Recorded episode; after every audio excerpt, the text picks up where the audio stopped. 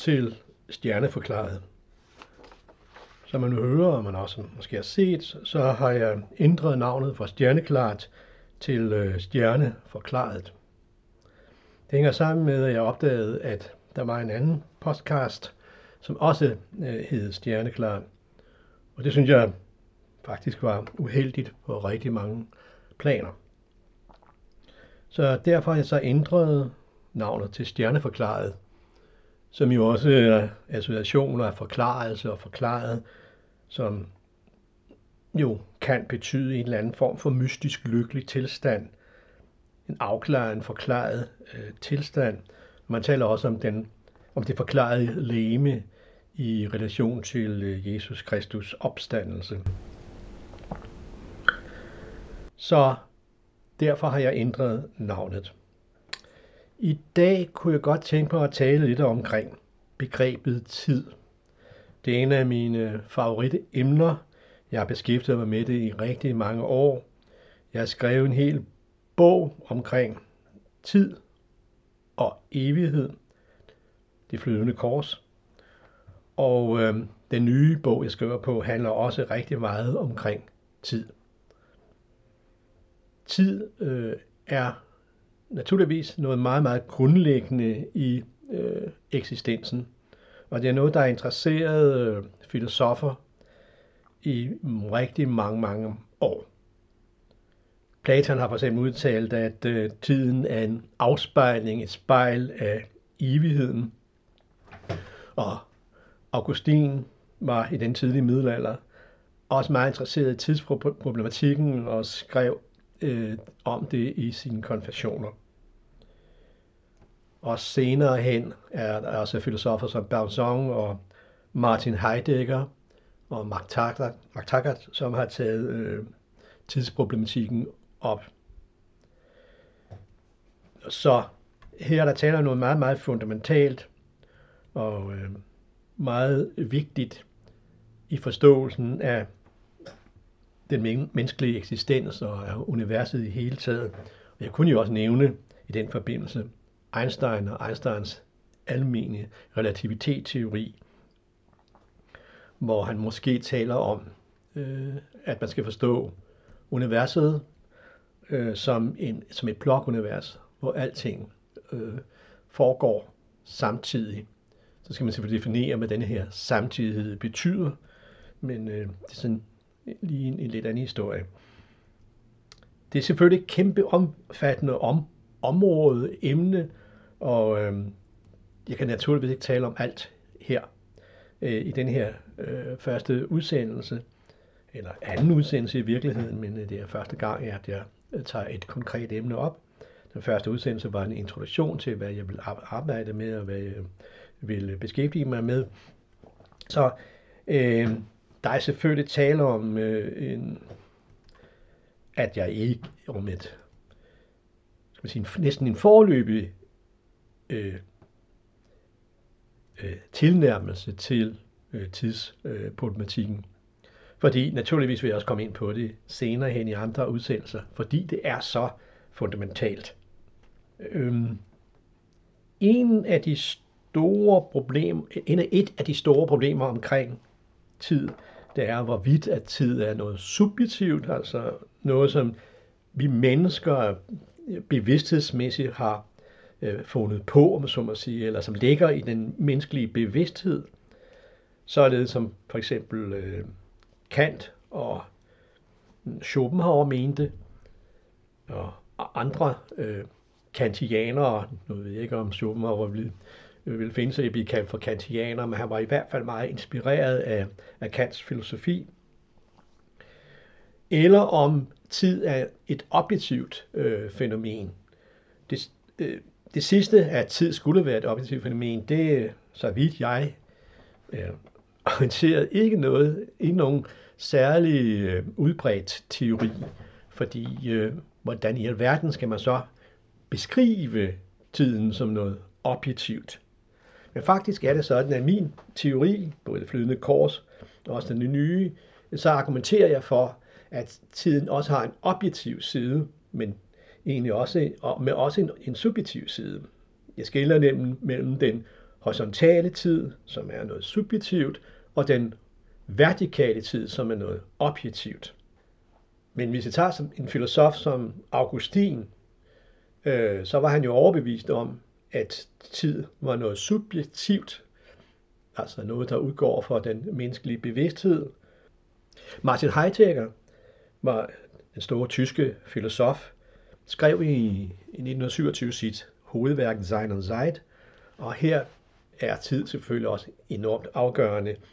Han ser øh, tid og Zeitlichkeit, altså tidslighed, sådan noget ganske fundamentalt øh, ved mennesket i, i, i, i den fundamentale ontologi, som han udarbejder. Ontologi betyder jo selvfølgelig, øh, som de fleste sikkert nok ved, væren, eller læren om væren. Det om at være til, og, og hvad væren og hvad egentlig er for noget. Men her, netop for Martin Heidegger, der også taler om, at tiden må sige som noget subjektivt. I en, en lille passage, så kritiserer han sådan set også den øh, naturvidenskabelige opfattelse af, hvad øh, tid er. Øhm, og jeg kan så ved i parentes sige, at altså, end ikke den naturvidenskabelige opfattelse af tiden kan siges at være en forståelse af tiden som noget objektivt, altså noget, der er uafhængigt af subjektet, noget, der ligesom, ja, øh, be, går af sig selv, altså øh, et, et selvstændigt medium, som øh, subjektet ligesom er underkastet. Fordi øh, en af de klassiske svar fra mange naturvidenskabsmænd og kvinder, hvis man spørger om, hvad tid er, fordi det er jo et fundamentalt øh, begreb i mange, i mange øh, øh, fysiske teorier, for eksempel. Øh, hvis man spørger dem om, hvad det er, så siger de, at det er noget, man kan måle med, med hjælp af ure. Altså med andre ord, de forsøger ikke at definere det, men, øh, men prøver at forstå det rent pragmatisk instrumentalt. Ja, det fortæller jo heller ikke noget om tiden som sådan, hvad tid er i sig selv.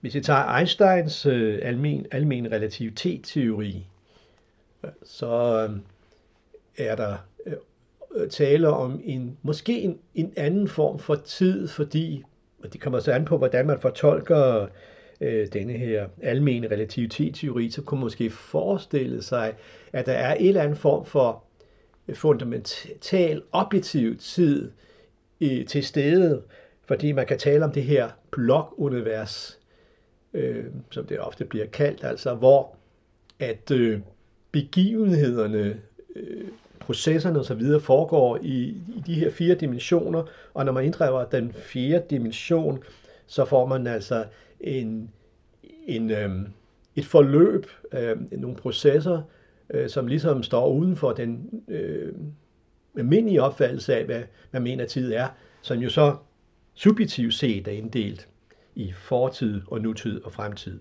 Øh, men som øh, for eksempel Augustin siger, øh, eller udtaler og skriver, øh, så er det her øjeblik, det er ligesom allerede væk, når man begynder at, at, at ligesom erkende det.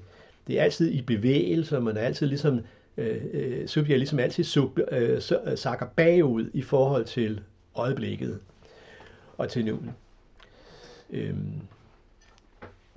Der vil øh, Einstein, men vil kan man måske fortolke Einsteins almindelige relativitetsteori, som at tiden i, i virkeligheden er blot af ren rækkefølge. Øh, altså ikke kan inddeles i fortid, nutid og fremtid, men øh, er en, en, en ren øh, proces, som foregår samtidig fra begyndelse til ende. Det vil sige, hele øh, universet fra begyndelse til ende kan betragte sig som en stor øh, blok af, af processer, som øh, ikke er bevægelige, som egentlig er ubevægelige, men som kommer efter hinanden, og som subjektet så ser som bevægelse, fordi at subjektet inddeler de her, den her, det her blokunivers i forskellige øh, små dele, ja, netop det, vi kalder for øjeblikke. Det er en teori, som jeg ikke står, øh, står helt øh, uforstående over for. Jeg vil sige, på mange måder øh, kan den sagtens indpasses i nogle af de opfattelser, jeg har øh, pt. omkring, hvad tid er. Men man kan jo spørge om, hvordan man egentlig skulle definere tid. Hvordan kan man egentlig definere tid? Hvad er tid for noget? Der er jo nogen, der vil mene, at det der overhovedet ikke er noget, der hedder tid.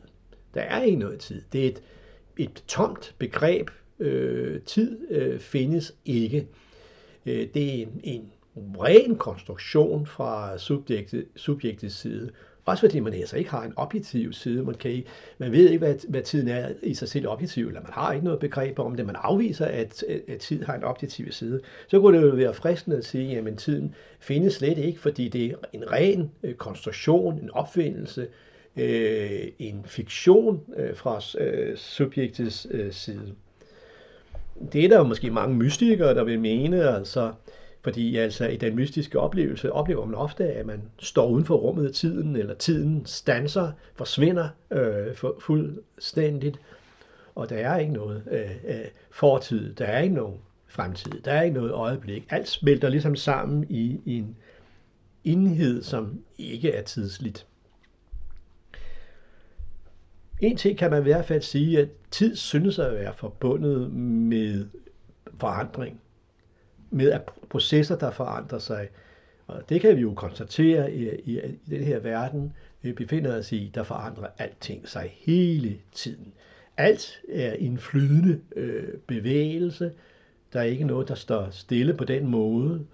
Der er ikke noget, der er uforanderligt totalt. Det er også derfor, at Platon jo så øh, på en måde øh, satte fænomenverden, den her flydende øh, fænomenverden, over for den ideale verden, som var uforanderlig og evig. Og evigheden blev så på den her måde en, et ideal, og øh, den her flydende, øh, måske kunne vi kalde det tidslighed, det, men, men i hvert fald den her flydende tilstand, eller bevægelse, processerne, der bevæger sig hele tiden, bliver betragtet som et, et, på en måde som et fald som øh, noget, øh, som øh, er mindre værdifuldt end evigheden. Og det er den opfattelse af noget, der har gennemsyret øh, filosofiståens siden, og også provokeret.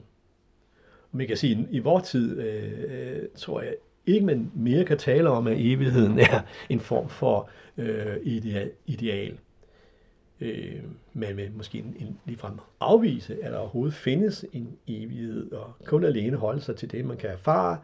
Og det, man kan erfare, det er denne her forandring, øh, bevægelse, som man så kan øh, definitorisk øh, forbinde med øh, tidsbegrebet.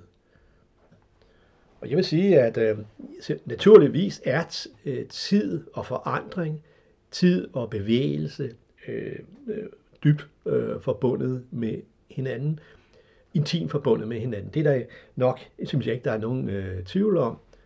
Men øh, jeg tror også, at øh, jeg forsøger at argumentere, jeg skal ikke bare tro, men jeg forsøger at argumentere, sådan er filosofien jo. Jeg forsøger at argumentere for, at tiden altså også har en objektiv side.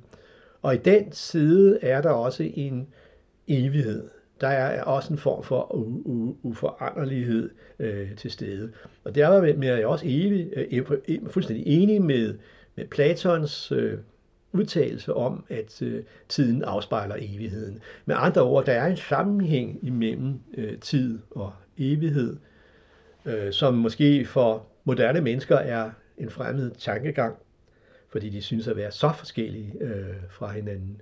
Men som jeg opfatter det, så gennemsyrer tid og evighed egentlig hinanden. Og det vil man måske mange sige, jamen det passer måske også meget godt til øh, øh det kristne grundsyn, hvor man egentlig siger altså, at øh, evigheden allerede er til stede nu, i nuet. Altså at der ikke egentlig er en modsætning mellem nuet og evigheden. Og på mange måder vil jeg sige, at det er rigtigt, fordi jeg ser egentlig, at i det, man kalder for nuet, Altså det er det, det, øjeblik, som hele tiden er bevægelse, som, som ligesom hele tiden sakker efter, som øh, er så paradoxalt, ikke? fordi hvilken udstrækning har et øjeblik, altså hvor, hvor, hvor, hvor langt skal et øjeblik være for at være et øjeblik. Øh, det, og hvor, hvor, hvor, hvor småt kan man ikke gøre det, hvor mikroskopisk lille kan sådan et øjeblik egentlig øh, øh, være. Øh, så det er paradoxalt, men jeg vil netop mene, at det, det man kalder øjeblikket, øh, der viser evigheden sig. At øjeblikket er på mange måder øh, en afspejling af evigheden. Og det ser jeg, fordi at øh, det der øjeblik ligesom er en tilspidsning af øh, det, der kommer fra evigheden. Og det er det, jeg så i, i, i mine, min filosofi kalder for den vertikale tid. Det er den tid, som kommer fra evigheden. Det er det, det, som det hele er øh, bygger på. Og der er e- evighed, men det bliver så straks af subjektet omgivet af fortid, nutid og fremtid, altså bliver gjort til en horisontal øh, tid og tidslighed. Øh, og det er det, øh, som subjektet gør. Det er den måde, som subjektet ligesom kan være på. Det er den måde, som subjektet øh, fungerer på. Det er på den måde, som subjektet oversætter øh, den, øh, den her øh, vertikale tid på. Så, øhm, men det betyder altså, men det betyder også, at den her vertikale side, det er en del af det, jeg kalder for den, øh, som jeg betragter som den objektive side af, af, af tiden. Men der er også en anden aspekt af det, som måske mindre øh, mystisk, øh, med nogen mene, eller mindre metafysisk og spekulativt, øh, og så dog, øh, det kan man så diskutere naturligvis, det er, at øh, man siger jo, at man kan måle tiden ved hjælp af uger. Og det er jo meget interessant, fordi øh, jeg mener jo ikke, men at det er det rigtige udtryk, at øh, man måler tiden med hjælp af uger. Jeg synes, man skulle bruge, øh, bruge, øh, bruge udtrykket, at man tæller tiden med hjælp af uger. Øh, det er også noget, jeg skrev om i nogle artikler, i, eller en artikel i Phoenix øh, en gang, at man, det er noget, man måler, og ikke, og det er noget, man tæller, det er ikke noget, man måler, øh, fordi det, at man måler noget, det er selvfølgelig, at man skulle at, at, fortsætter, at man har noget, man kan måle, en, en, en form for længde, en form for udstrækning. Men tiden har ikke øh, nogen udstrækning. Så det, som øh, ugerne måler, det er ikke tidens udstrækning, men det er, hvad skal man sige, øh, de der gentagelige processer, øh, som øh, uret, det nøjagtige ur, forsøger øh, at, øh, at, at ligesom øh, skabe øh, nøjagtigt, jo, nøjagtigt, jo mere nøjagtigt et ur er, desto mere nøjagtigt kan ligesom øh, gøre øh, de her gentagelser øh, regelmæssige. Jo, altså jo større regelmæssighed, jo mere øh, nøjagtigt. Og øh, jeg vil netop mene, og at øh, det, at man sådan tæller øh, disse regelmæssigheder, at forsøge på ligesom at tilnærme sig eller oversætte, øh, forstå, øh, omsætte øh, de, øh, de impulser, som kommer fra evigheden. Og de her impulser, de er rytmiske. De er for mig at se rytmiske. Tiden er rytmisk, fordi det handler om, øh, om gentagelige, regelmæssige øh, processer, som man tæller, og øh, som i virkeligheden er en forsøg på at tilnærme sig øh, Øh, de øh, regelmæssige øh, rytmiske processer, som kommer fra den vertikale virkelighed, og som er det, som jeg kalder dis, altså, disparate monader. Altså, de har, de har ikke nogen udstrækning rumligt set, men de har en ren kvalitet, en ren potentiel øh, kvalitet. De er forskellige fra hinanden, og det er disse monader, som uret forsøger at nærme sig, men aldrig nogensinde kan nærme sig, fordi øh, et urs, øh, eller ja, uger, eller det kan jo også være i vores tid, hvad andet end bare sådan øh, uger, man, man, man kan købe i, i en, i, i en, øh, uh, ure, en forretning med uger, men det kan være atomure, det kan være mange forskellige former for sådan øh, regelmæssige processer, som man sådan forsøger at etablere. Men disse regelmæssige processer, ved hjælp, som vi så kan, nu kalder for uger, øhm, det er sådan set ligegyldigt, øh, om vi kalder det uger, eller vi kalder det atomuger, eller hvad, hvordan processerne er, men forsøget på at skabe processer, øh, som er rytmiske, regelmæssige, så regelmæssige efter hinanden, gentagelige efter hinanden osv., osv., er et forsøg på at, at genskabe øh, de øh, vertikale øh, monader, der er bagved, som er uden for tid og rum, som er uforanderlige. De er altså uden for tiden forstået som horisontal tid. Så det er øh, sådan, at, øh, at uger i virkeligheden på denne måde, altså ikke bare noget, der, noget, der måler tid, altså uden at man sådan rigtig kan definere, hvad tid er. Nej, det er sådan, at ugerne i sig selv er udtryk for, at, den, at tiden i, i sig selv består af, sådan, af de her minutiøse små øh, potentielle øh, entiteter, som jeg så kalder for monaderne, som er uden for den horisontale rum, og det, det horisontale rum, og den, den horisontale tid, og øh, som er, øh, i sig selv er uforanderlige. Det er en ren rækkefølge. Det er altså en ren rækkefølge fra universets begyndelse til slutning. Og det kan man så se, at den vertikale verden her kan jo meget vel øh, forstås ud fra Einsteins blokunivers. Men jeg vil dog mene, at det, det blokunivers, det er en manifestation af den her vertikale verden, uden man har et sub, uden at man er subjekter til, til at, at, at aktualisere det og forstå det. Nå, men nu tror jeg måske, det begynder at blive øh, alt for langhåret for nogen, så øhm, jeg kunne måske øh, gå ind og se lidt på øh, øh, min anden, en anden del af min kæpheste, nemlig astrologien, og hvordan altså at, at astrologien øh, forholder sig til de her ting, og at verden og tiden øh, som øh, en, en, en objektiv side. Fordi det, det ene, ikke alene så er tiden en, også noget objektivt. Den er altså for, først, for det første noget subjektivt, øh, i og med subjektet oversætter øh, den her objektive tid i fortid, nutid og fremtid. Fordi subjekt befinder sig altid i et nu. Der er altid øh, en fortid lige før øh, øjeblikket, og der er altid en fremtid lige efter. Øh, så øh, det befinder sig i, i denne her horisontale tid, men øh, øh, den vertikale tid øh, er, øh, kommer fra objektiviteten, og er faktisk en objektivitet, som trænger ind i subjektiviteten, og øh, som så øh, subjektiviteten forsøger at omsætte til den her horisontale verden, den verden, vi simpelthen er i.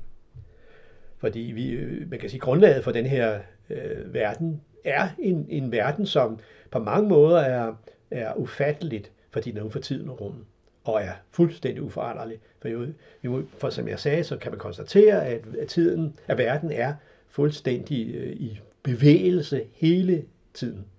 Og aldrig nogensinde øh, er uforanderlig. Men det, øh, men det er faktisk sådan, altså, at denne her uforanderlige verden er baseret på en foranderlig, en uforanderlig verden. En verden uden øh, tid og rum, som vi forstår det. Så er der en anden form for tid, kan man sige, den vertikale tid, og man kan også godt tale om et vertikalt rum. Det skal jeg måske i en anden sammenhæng komme ind på. Men øh, når vi taler øh, om den her objektive tid, så kan vi også sige, at i modsætning til, at, tror jeg, at i modsætning til, øh, at tiden alene forstået som noget øh, formelt og noget formalistisk, altså en, en tom kvantitet, noget man bare tæller med, eller øh, noget man kan tælle, men som egentlig ikke har nogen øh, kvaliti, kvalitativ ind, indhold, øh, så vil jeg jo mene, at det har tiden. Altså tiden har en kvalitet, øh, og det står i modsætning for eksempel til Kant, altså, som havde det her formalistiske syn øh, på, hvad tid øh, er. Og øh, jeg vil mene, at tiden har en, en, en kvalitet i sig selv, altså det, øh, som øh, ligesom kommer strømmende for den her vertikale vid, øh, øh, verden, og øh, som så subjektet møder og omsætter og oversætter, eller som ligesom manifesterer på mange forskellige måder. Netop fordi altså, at denne vertikale tid, det, øh, som kommer strømmende, som kommer, kommer strømmende øh, imod øh, subjektet, øh, og som omsættes og oversættes subjektet til den horisontale verden, i sig selv indeholder potentielle kvaliteter. Det vil sige, det potentielle, det der ligesom er lavet med forskellige meninger, som så kan aktualiseres af, af, af, tid, af, af subjektet, øhm, er, ja, det er udtryk for en, en kvalitet. Det er ikke bare en kvantitet, det er faktisk også en, en kvantitet, øhm, fordi at disse øh, monader kan tælles øh, i den rækkefølge, de har, det vil sige, at den naturlige talrække som jo er et meget arketypisk symbol, også er noget, man kan bruge på på den her øh, vertikale verden, og det er også en af grundene til, at man kan ja, mm, overhovedet bruge matematik øh, på, på øh, virkeligheden, eller over for virkeligheden, og anvende den i, i, i naturvidenskaberne. Men det er så en anden sag. Nu taler jeg om, at tiden har en, en kvalitet øh, som sådan. Det er ikke en tom øh, form, det har en kvalitet. Og øh, man taler også om, om tidsånd, altså at øh, bestemte tider, der sker ligesom bestemte øh, ting, øh, og der er en bestemt historie, der er bestemte epoker. Øh, vi taler om barokken, vi taler om renaissancen, vi taler om oplysningstiden, romantikken, moderne tid osv. osv. Og det er ikke tilfældigt, øhm, øh, det, det er de her øh, epoker, de har den kvalitet, de har, for det er øh, kvaliteter, som man kan sige, subjekterne i den intersubjektive verden oversætter øh, til bestemte øh, kvaliteter. Man kan sige, at de har alle, altså de forskellige tidsepoker har forskellige har øh, en, en forskellig stil simpelthen. Man kan jo se på moden, moden den ændrer sig øh, på en bestemt måde. Der er nok ikke nogen, der vil drømme i dag at gå som man gik i de klæder, som man gik i renaissancen eller under øh, barokken eller øh, og så videre. Men, men, øh, men altså, den kvalitet er ikke bare noget, som øh, subjektet finder, finder på. Det er ikke bare ren historie, men det er også noget, der ligesom kommer til os, og, som, og til subjekterne, og som vi så oversætter øh, til forskellige øh, kvaliteter, forskellige begivenheder øh, af, af forskellige slags. Altså det, der man, man kan beskrive igennem øh, historien, og de forskellige historiske øh, perioder, men selvfølgelig også for det enkelte menneskes øh, liv, og det, og det er det menneske, og menneskets eller subjekts øh, øh, skæbne i hele taget. Og der er det her, altså, at astrologien kommer ind, fordi astrologien handler jo netop også om tiden som kvalitet. Øh, den astrologiske symbolik øh, er et forsøg, er, eller er noget, som man kan oversætte til øh, forskellige øh, kvaliteter, øh, som, øh, som er, indgår i, i, i, i den menneskelige øh, tilværelse. Øh, og det kan være, være på alle mulige planer. Der er næsten ikke nogen øh, begrænsninger, for det handler om hele livet øh, som sådan. Man kan fx have værastrologi, som jeg så har arbejdet med, øh, hvor jeg fører parentes skal sige, altså at det brutale vejr, som venter os her i weekenden, det er jo noget, man allerede kunne forudse øh, værastrologisk, fordi at, øh, at Pluto indgår øh, indgår som et meget væsentligt øh, element i, i det værhøjsko, som man kan opstille for øh, det her efterår. Og det kan straks blive meget, meget værre. Det bliver et, et, et, et, et voldsomt øh, efterår, vi, vi kommer til at gå i møde rent værmæssigt. Og så kan vi jo også sige, altså, at vejret på mange måder afspejler den kollektive øh, bevidsthed, øh, således at man godt også sige, at vi kan også øh, måske ret øh, voldsomme, brutale øh, tider i møde her, det her, det her efterår. Og det er måske ikke så, som jeg, altså, man har sagt, det er jo måske ikke så svært at forudse, for når man ser på situationen i, i verden i øjeblikket. Men øh, det bliver altså, men, men i hvert fald, når man taler om tidens øh, som en kvalitet, og her er der jo ikke tale om en øh, kvantitet, der er ikke tale om, at man, man foretager øh, kvantitative målinger, naturvidenskabelige målinger, Øh, via meteorologiske øh, metoder osv. osv. Men der taler om at se på en ren kvalitet. Og så kan man sige, at kvaliteten af det vejr, det bliver brutalt. Det bliver øh, eksempelvis også meget, meget koldere, end vi har været vant til. Og, men det kan jo selvfølgelig også handle om, et, et, et, et, om øh, sygdom øh, og, og, og helbred, helbred, ens helbred i hele taget, hvor, øh, som jo også handler ikke bare om om, hvor høj feberen er, men altså også om, øh, om kvalitet. Altså mod, øh, i, i modsætning til kvantitet. Og kvalitet, det er jo er det for det første noget, der viser sig gennem øh, øh, det, det, det sanselige. Øh, altså de sanselige kvaliteter. Men naturligvis også bevidsthedsmæssige kvaliteter.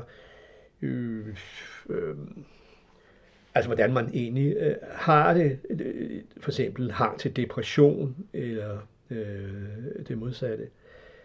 Men altså, det er så en helt historie i sig selv, hvad astrologien kan osv. osv. Men, men, men helt kort fortalt, så handler øh, tiden, så handler øh, astrologien om kvalitet. Og øh, det, fordi at astrologien handler også om tid, fordi at øh, astrologien er jo baseret på matematiske øh, udregninger af, hvordan, at, hvordan at planeterne be, bevæger sig.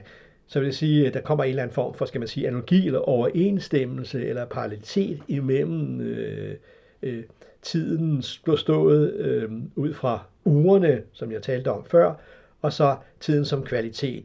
Og det er faktisk øh, et meget smukt udtryk for min egen øh, filosofi, hvor jeg også mener, at der er en eller anden øh, meget smuk overensstemmelse mellem øh, tallet og kvaliteten.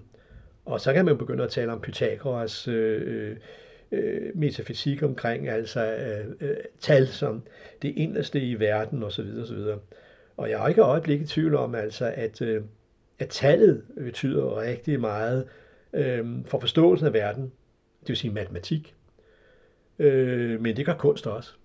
Øh, der er mange forskellige tilnærmelser til, øh, til verden, og forståelse af verden, og hvad verden er, også i sig selv. Og øh, der er matematik, øh, naturvidenskab, fysik osv. en af måderne, men men er også øh, kunst og, og øh, alt muligt andet, øh, som kan øh, anvendes til, til den her forståelse. Fordi det, jeg kalder alt muligt andet, det er jo kvaliteten. Så det at forstå verden ud fra en, en matematisk synsvinkel, det er en ganske bestemt måde at forstå verden på, og det er også meget vigtigt, fordi som sagt, altså, øh, disse monader, som man taler om, den her øh, øh, øh, vertikale verden, har en, en, en, en hvad skal man sige, en kvalitativ side, fordi at man ligesom kan, fordi der taler om rækkefølge fra det første monade beskabt til den sidste. Der er simpelthen en rækkefølge. Det kan man sætte tal på, og det er det, der er udgangspunktet for, at man overhovedet kan skabe en matematik om det her univers. Men der er så også den her kvalitet. Og øh, subjektet har altså, begge sider. Så der er det her spil mellem subjektet og objektet, og det det spil, mellem, der er mellem subjektet og objektet, det er noget, som astrologien kan, finde, kan bruge til noget, fordi øh, det viser, at der er en afspejling mellem øh, subjekt og objekt, og det er det netop, som astrologien øh, handler om. Vi har de her planetbevægelser på den ene side, og så har vi den menneskelige tilværelse, subjektets tilværelse på den anden side, og her er der en eller anden form for afspejling. Øh, som fra neden, som fra oven, som øh, det er jo så øh, bekendt hedder.